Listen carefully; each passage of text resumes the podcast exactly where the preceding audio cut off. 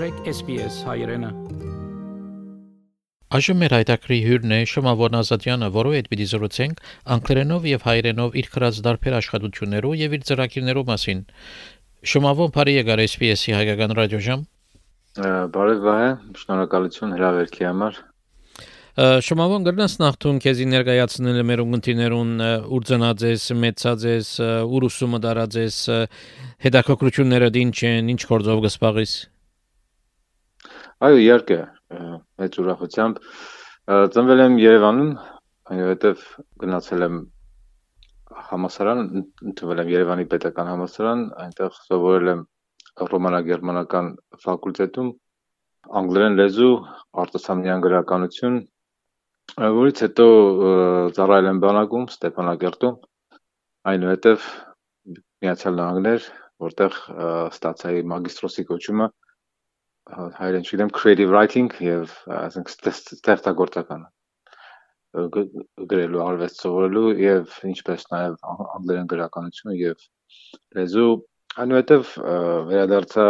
Հայաստան, այնտեղ աշխատել եմ 8 տարի, աշխատել եմ դասավանդել եմ տարբեր դպրոցներ, համալսարաններ, ինչպես նաև լեզվի կենտրոնում։ Այդ դպրոցում Հայաստանի ֆրանսիական համալսարան, ամերիկյան համալսարան վերջին երկու տարիները Հայաստանում ինչով ավստրալիա գալ 13-ից 15 թվականն ես դասավանդում էի Քվանտ վարժանում այնտեղ արդեն բացվել էր միջազգային բակալավրիատ ծրագիրը այնտեղ դասավանդում էի անգլերեն լեզու այնուհետև վերջին տարիներին Հայաստանում ես աշխատում էի իմ դիսերտացիայի դոկտորական դիսերտացիայի վրա արդեն որոշել էի, որ անպայման պետք է դիսերտացիան անեմ, ստանամ դոկտորի կոչում, ոչ միայն կոչմանավոր, այլ նաև զբաղվել գիտական աշխատանքով։ Եվ երկու տարի համառ աշխատանքներից հետո շատ դժվար ինձ հաջողվեց ստանալ scholarship Ladrop համալսարանից Ավստրալիայի 15 թվականից ես եկա Ավստրալիա Մելբուրն, այստեղ սկսեցի դոկտորականը։ Այն արդեն մի քիչ շեղված էր իմ նախկին մասնագիտացումից, այն արդեն կինոսցենարի ուղղությամբ էր։ Իհարկե, կապված է creative writing-ի ստեղծագործելու արցակի հետ, սակայն արդեն ավելացավ եւս մի մասնագիտություն կինեմատոգրաֆիա։ Դոկտորականը տևեց 3.5-4 տարի, համարյա եւ ես ստացա 19 թվականին ես ավարտեցի վերջացրեցի եւ ունեցա դոկտորի կոչումը այժմ դասավանդում եմ Topscope College եւ Tutoring for Excellence այդ երկու կազմակերպություններում ունեմ տարբեր ժամեր ու տարբեր ուսանողներ դասավանդում եմ ակադեմիական academic writing գրականություն մի քիչ լեզու քերականություն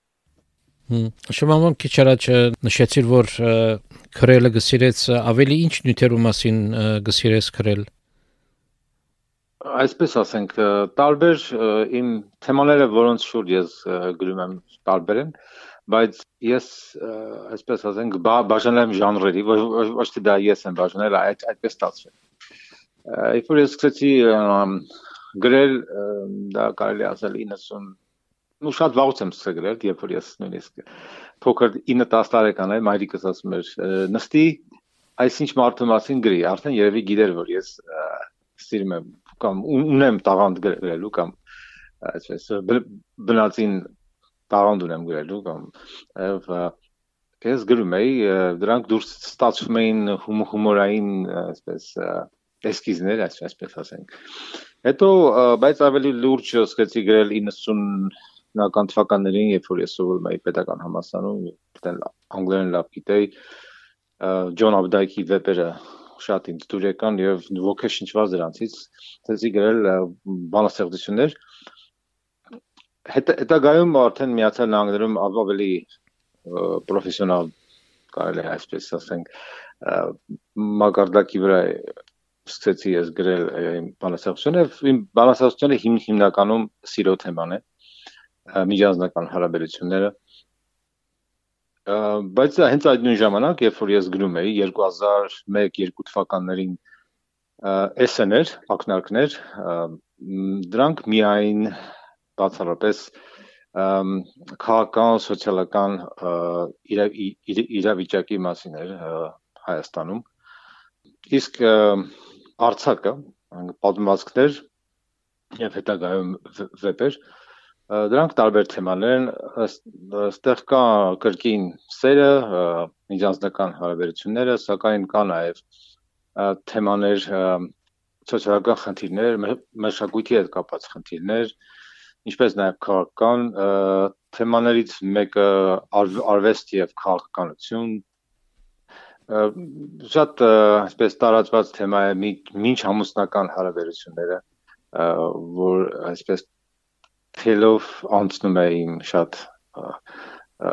պատմածների եւ այս վերջերս հրատարակված նովելայի միջով։ Եվ վերջապես կինոսցենարներ մի քանի հատ ես արդեն գրել եմ լատրոբ ուսանելու ժամանակ դրանք էլ էլի կրկին կան նույն թեմաները սեր միջանձնական հարաբերություններ ընտանիք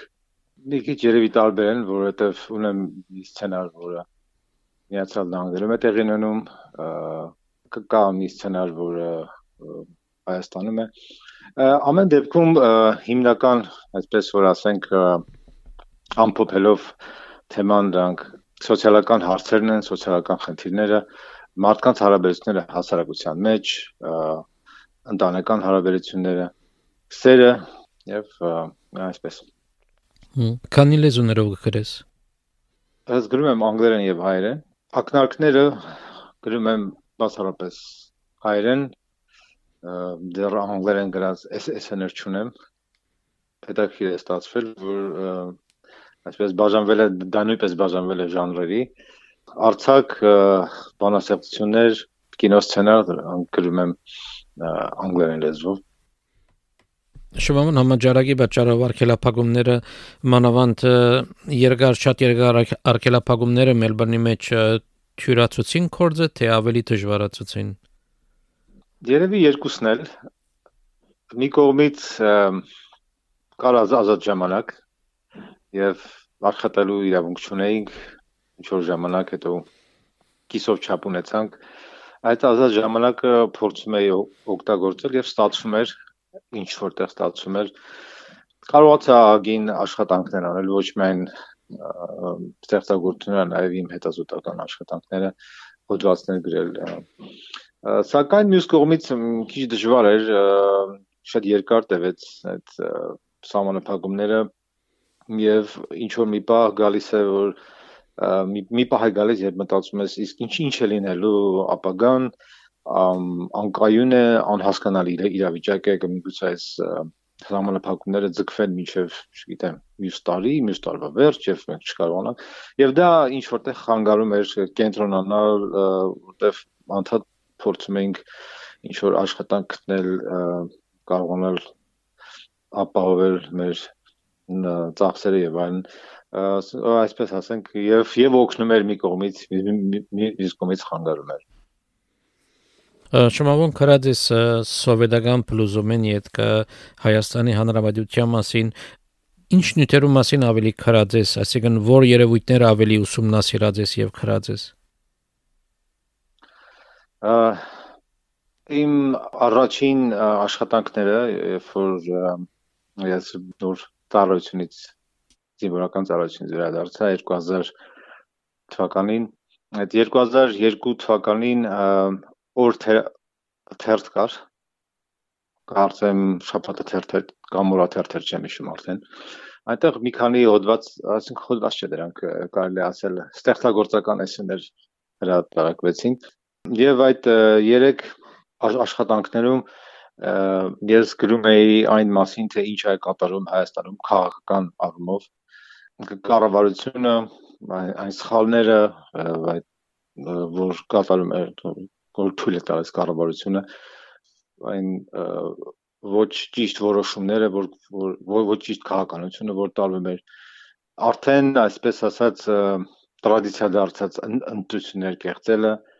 հաշվի չառնել է հասարակությանը եւ միևնույն ժամանակ ես անդրադառնում եի այն խմորումներին, որ տեղի են ունենում հասարակության մեջ, որոնք կային իհարկե օբյեկտիվ պատճառներ կային, հասարակությունը լավ տեղյակ չէր այն ժամանակ, ինձ թվում է մինչև հիմա նաեւ տեղյակ չէր ինչ է քաղաքականությունը, ինչպես է դա արվում, ովքեր կարող են լինել քաղաքականության մեջ, ովքեր կարող են լինել պետության ղեկավար եւ այլն կար շատ դառը այսպես դառնությամբ ասեմ շատ սարսափելի պայքար կար քաղաքական կուսակցությունների մեջ, որոնց որոնք շահագործում էին եւ հասարակությանը ապատեղեկացնում էին այսպես եւ այնպես իրեն իրենց շահերի համար այդ ամեն ինչը արտահայտվում էր հասարակական կյանքում մարդիկ շատ տագնապի մեջ էին իրար նկատմամբ կար երևի միջավ այսօր կա այդ ատելությունը բաժանվածությունը տարբեր խմբերի եւ այդ երեք հոդվածներում ես փորձում էի մեկում համեմատություն արեցի Իտալիայում տեղի ունեցող դեպքերը պատերազմից հետո ինչպես հասարակությունը կարողացավ համախմբվել եւ այդտեղ կարևոր դեր էր խաղում կինեմատոգրաֆիան կինեմատոգրաֆ իտալական նեո ռեալիզմ ուղղության վրա եւ ընդհանրապես կինեմատոգրաֆիայի միջոցով ես ուզում եի ցույց էի տալիս որ այդ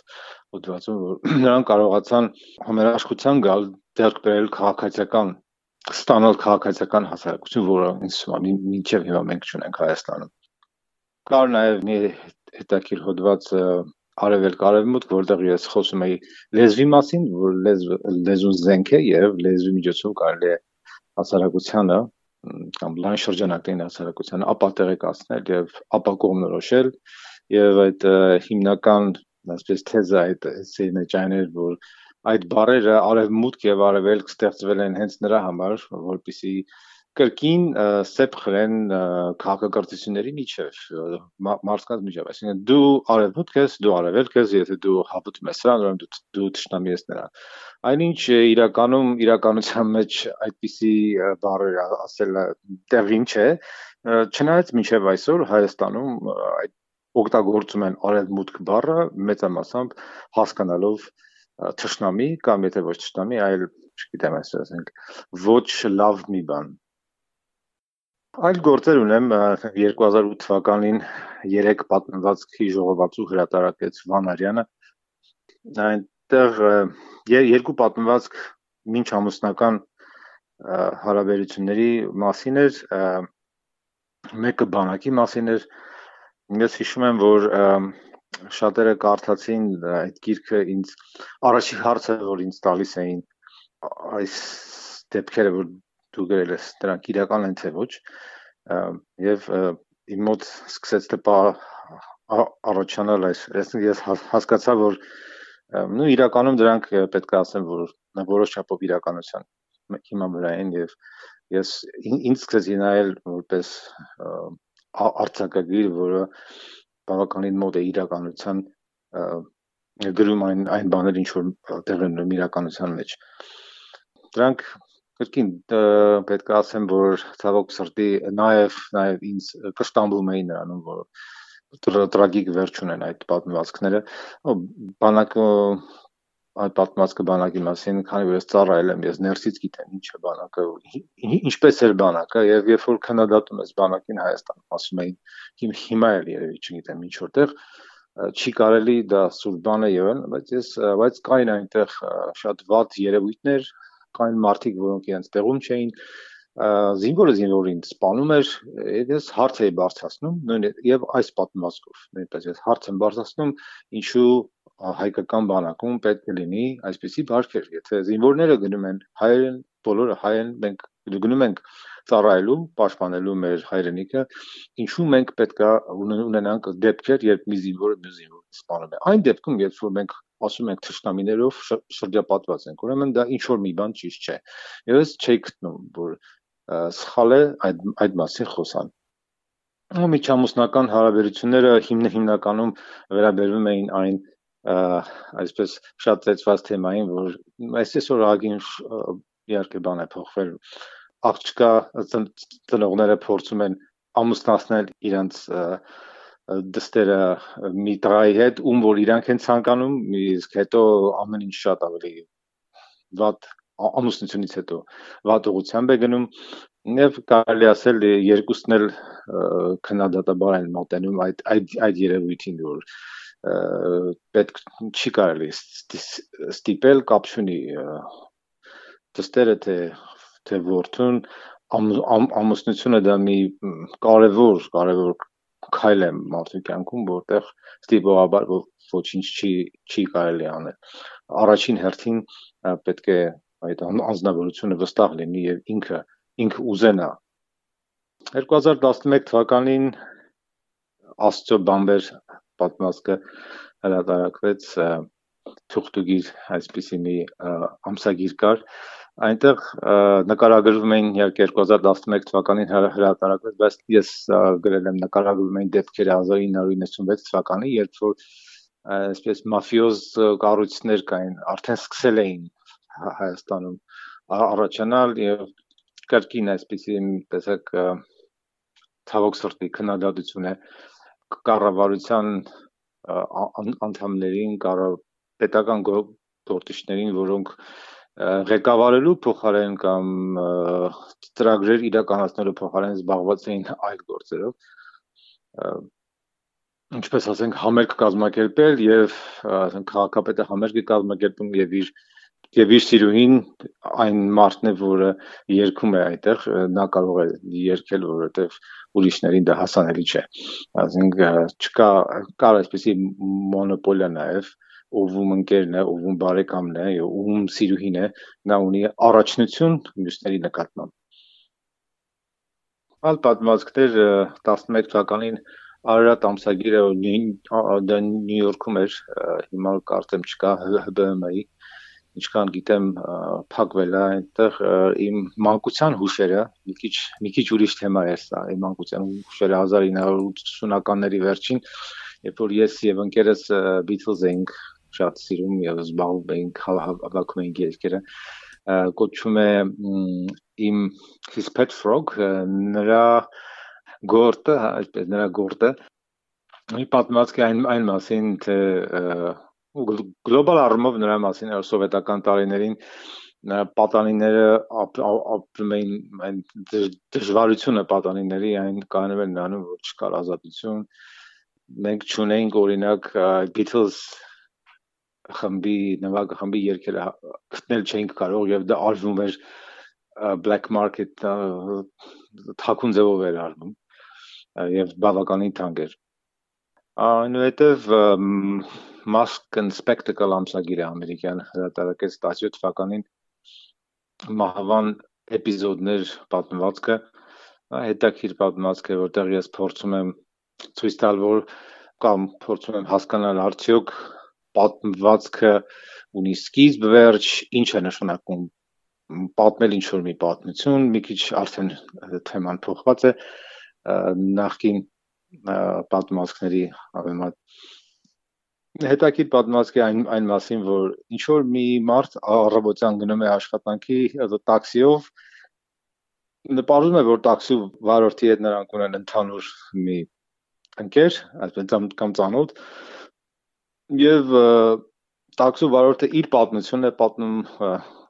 այս գլխավոր կերպարը իր պատմությունն է պատմում դրանք չեն համընկնում իրար հետ եւ այլն եւ վերջում տեղի է ունենում վթար եւ երբ որ տանում են ոստիկանություն գլխավոր կերպարին եւ ասում են դու դու վկա ես պատմի ինչպես եղավ եւ երբ որ նա պետքա սկսի պատմություն պատմելը նա հասկանում այդ պահին որ ինքը չգիտի որտեղից սկսի որովհետեւ այնքան բան տեղի ունեցավ այդ 15-20 րոպեում տաքսու վարորդի եւ իր իր, մեջ գտան այնքան նմանություններ կամ այն պատմություններ որ սկսեցին իրար պատմել չհամաձայնվելով իրար հետ որ չգիտի որտեղից սկսի եւ ինչ ինչ պատմի 18 թվականին կրկին Վանարյանը հրատարակեց SN-եր ժողովածու, այստեղ 2000 թվականից մինչև 2018 թվական իմ ամեն տարի գրած SN-ներն են այդտեղ տարբեր թեմաներ կան, տարբեր ոճեր կան, կա սատիրա, կա հումոր, կան ավելի հենց դուրջ աշխատանքներ կրկին, որ քննադատաբար էլ մոտենում այն այն ամեն ինչ որ տեղի էր ունենում Հայաստանում 2000-ականների 2005-6 7 թվականներին երբ ես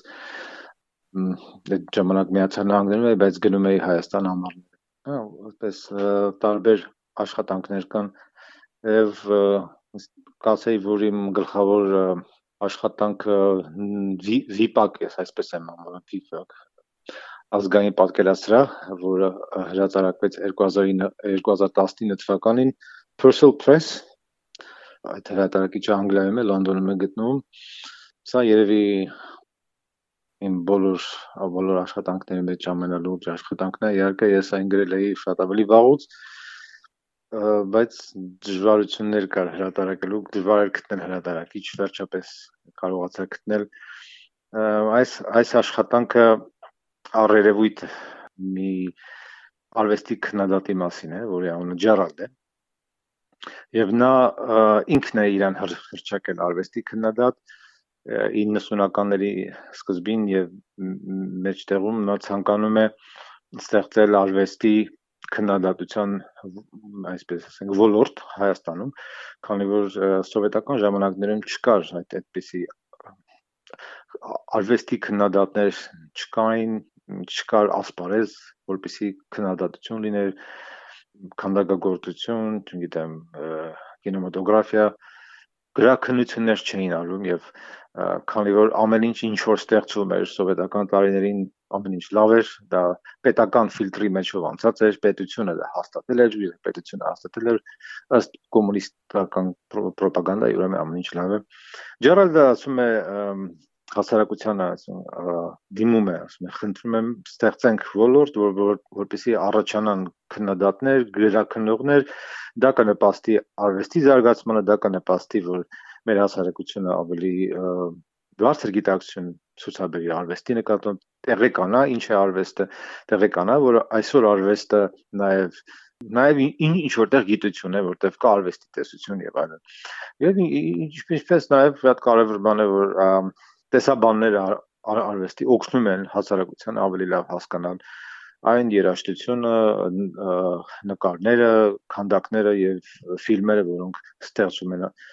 այդ ժամանակ։ Սակայն Ջերալդը հանդիպում է դիմադրության, քանի որ սովետական շրջանի սերունդը դեմ է այդ ամեն ինչին, նրանց մտածողությունը այլ այլ է, նրանք չեն ցանկանում, որպեսզի իրենց աշխատանքները քննադատվեն Տեղը ունենում տարբեր դեպքեր, ընդհուպ մինչև ազգային անվտանգության ծառայության ագենտը գալիս է Ջերալդի տուն եւ ասում է որ այսինչ նկարիչը իմ հայրն է եւ եթե դու նրան քննադատես դա կլինի քո վերջին օրը սպառնալիքը իհարկե լուրջ է եւ Ջերալդը արդեն ու փորձում է շատ ավելի մեղմ լինել գոնե այդ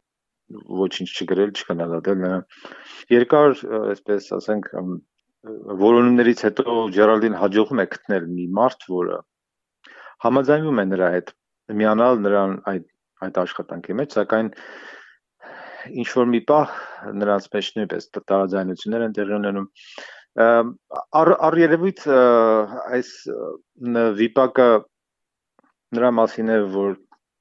Հայաստանում փոփոխություններ են պետք եւ դրանք մանավանդ արվեստի ասպարեզում եւ դրանք շատ շատ կարեւոր են, բայց նաեւ սա փոխաբերական առումով նրա մասին է, որ ոչ միայն արվեստ, այլ ամբողջ սովետական ժամանակվա այդ ժառանգությունը, որ եկել է հետ սովետական շրջանին եւ շարունակվում էր այդպես 90-ականներին եւ իմ կարծիքով մինչեւ այսօր դա պատշաճ ձևով չի փոխվել ռեֆորմներ, չեն անցկացվել, չի վերակառուցվել եւ այդ նովելայի վիպակի վերջը այսպես տրագիկ չէ, սակայն Ջերալդը կորցնում է ամեն ինչ ինձ թվում է միգուցե կարելի է դրան, չգիտեմ, երկակի մոտենալ, բայց ես չեմ ցանկանում ասել, որ մենք հույսը կորցել ենք եւ ոչինչ չի լինի անել, սակայն դա մի կետ է, որ դա մի ձև է իմ իմ կողմից ցույց տալու, որ մեր վիճակը շատ շատ դժվար է մեր հասարակության քաղաքականապես եւ հասարակական երևույթների առումով մենք պետք է լավ մտածենք արդյոք մենք ցանկանում ենք թողել թողնել այդ ամեն ինչ ինչ որ կար այնպես ինչպես սովետական ժամանակներից իներցիայով գալիս է թե մենք ցանկանում ենք նոր բան ստեղծել եւ դրան անուններ չդնել դա արևմուտք է թե արևելք է դա իմ վերջին աշխատանքն էր 2019 թվականին, որ հրատարակվեց եւ մոտ 1 ամսից հուսով եմ այդ ազգային պատկերասրահ վիպակի հայերեն տարբերակը արդեն լույս կտեսնի Երևանում։ եմ դա կլինի դեկտեմբերին։ Արդեն թարգմանված հայերեն։ Շմավոր ներկայիս, ասենք ներկա Հայաստանի մեջ դիրող իրավիճակի մասին ուսումնասիրած ես, քրած ես։ Իհարկե, համաձայն եմ, շատ բան է փոխվել 18 թվականից հետո, սակայն ես դեռ ոչ մի աշխատանք չեմ գրել այս 3 տարվա մասին։ Ուղղակի կուզենայի խոսել կարճ այն մի աշխատանք ունեմ 2018 թվականին հրատարակված SN-երի ժողովածուի մեջ, որ կոչվում է հեղափոխություն եւ ես դա գրել եմ 17 թվականին ինձ հիշեցրեց հիմա ես հիշեցի այն ժամանակը երբ որ ես Հայաստանում էի այդ ինչև հեղափոխությունը ես դասավանդում էի ունեի շատ-շատ թվով ուսանողներ տարբեր տարբեր տեսակի, տարբեր մտածողության, տարբեր կարծիքներով մարդիկ եւ երբ որ մենք խոսում ենք, միշտ մենք խոսում ենք այդ Սերժ Սարգսյանի ռեժիմի մասին շատ ու մաֆիա իհարկե հասկացնել է շատ ծանր է վիճակը վան եւ երբ որ ես ասում եմ պետք է լինի եւ կլինի հեղափոխություն ինձ բոլորը ասում էին որ դա անհնար է տարբեր պատճառներ էին բերում բայց ես վստահ եի եւ ես իմ փաստար կկայանում եմ որ այսպես անհնար է շարունակել այսպես չի կարող շարունակվել որովհետև սա տանում է դեպի կործան եւ դեպողությունը եղավ ես կարծում եմ որ այնպես չեղավ ինչպես մենք կուզենայինք այնպես չեղավ ինչ ինչպես մենք միգուցե պլանավորում էինք շատերը կամ ես անձամբ կցանկանայի տեսնել կամ ես պատկերացնում եի որ այսպես այսպես կլինի բայց պետք է հաշվի առնենք որ դժվար է շատ շատ դժվար էր դա այդ հեղափոխություն անելը անկախ նրանից թե դա ինչպես տեղ ունեցավ դա մի կետ էր որտեղ որ դա ասենք զրոյական կետ էր որտեղից մենք պետքա նորից սկսենք եւ միանգամից հուսահատվել ճիշտ չէ ընդհանրապես կարծում եմ մենք գոնե պետքա հասկանանք որ ճիշտ ուղու վրա ենք այսօր ճիշտ ուղով ենք շարժվում ճիշտ ուղությամբ կան սխալներ կան թերություններ, բայց պետք է այդ ուղին շարունակենք։ Դա այն ուղին է, որը ասում է ընտրությունները չեն կեղծում, պաշտոնյաները, պետական պաշտոնյաները իր իրանց պաշտոնը չեն օգտագործում սեփական շահերի համար, սեփական, գիտեմ, ցանկությունների համար եւ այլն։ Եվ այլն եւ այլ, այսինքն օրենքա գործում եւ ամեն ինչ օրենքով արվում։ Դա այդ ուղին է դրանը կդնենք դեմոկրատիա թե ինչ չգիտեմ, դա շատ ավելի երկրորդական է։ Բայց կան փոփոխություններ, բարվում աշխատանք, ուղղակի Հայաստանը պատերազմից հետո մանավանդ հայտնվել է շատ ծանր վիճակում։ Եվ կարծում եմ, որ դա բոլորը պետք է աշխատեն Հայաստանում, թե լինի ինդիմություն, թե կառավարություն, թե ինչ անուն ուզում ենք դրան դնենք, կուսակցություն եւ անհատ աշխատեն նրա վրա, որպեսզի հեղափոխության ուղղությունը այն ուղղությունը, որ մենք վերցրել ենք դեպի զարգացում, դեպի առաջընթաց գնա չկանգնի, գնում ենք մենք շարժվենք այդ ուղղությամբ եւ վստահ եմ, որ միասին աշխատելու դեպքում այդ հարցերը կարող ենք մենք լուծել։ Շնորհավոր ներկայիս ուսուցչական աշխատանքի հետ բացի ինչ կորձերու վրա աշխատից մեկը նշեցիր որ կարծեմ եկող ամիս պիտի հրապարակվի իր Երևանի մեջ հայական թարգմանությունը ուրիշ աշխատանքի կորձերու վրա աշխատից այո երևի բոլոր աշխատանքների մեջ ամենամեծ աշխատանքը որ ես տարիներ տարիներ աշխատել եմ դրա վրա իմ իմ առաջին վեպը այսպես ասած մեծ դեռ ինձ չի հաջողում դա հրատարակել այն կոչվում է երկու հեղափոխությունների միջև այն սիրո պատմություն է սակայն այդ սիրո պատմությունը տեղի ունենում 95 96 97 թվականներին այն ժամանակ երբ որ Հայաստանում առաջին նախագահը ըստ ըստ մեր այսպես ասենք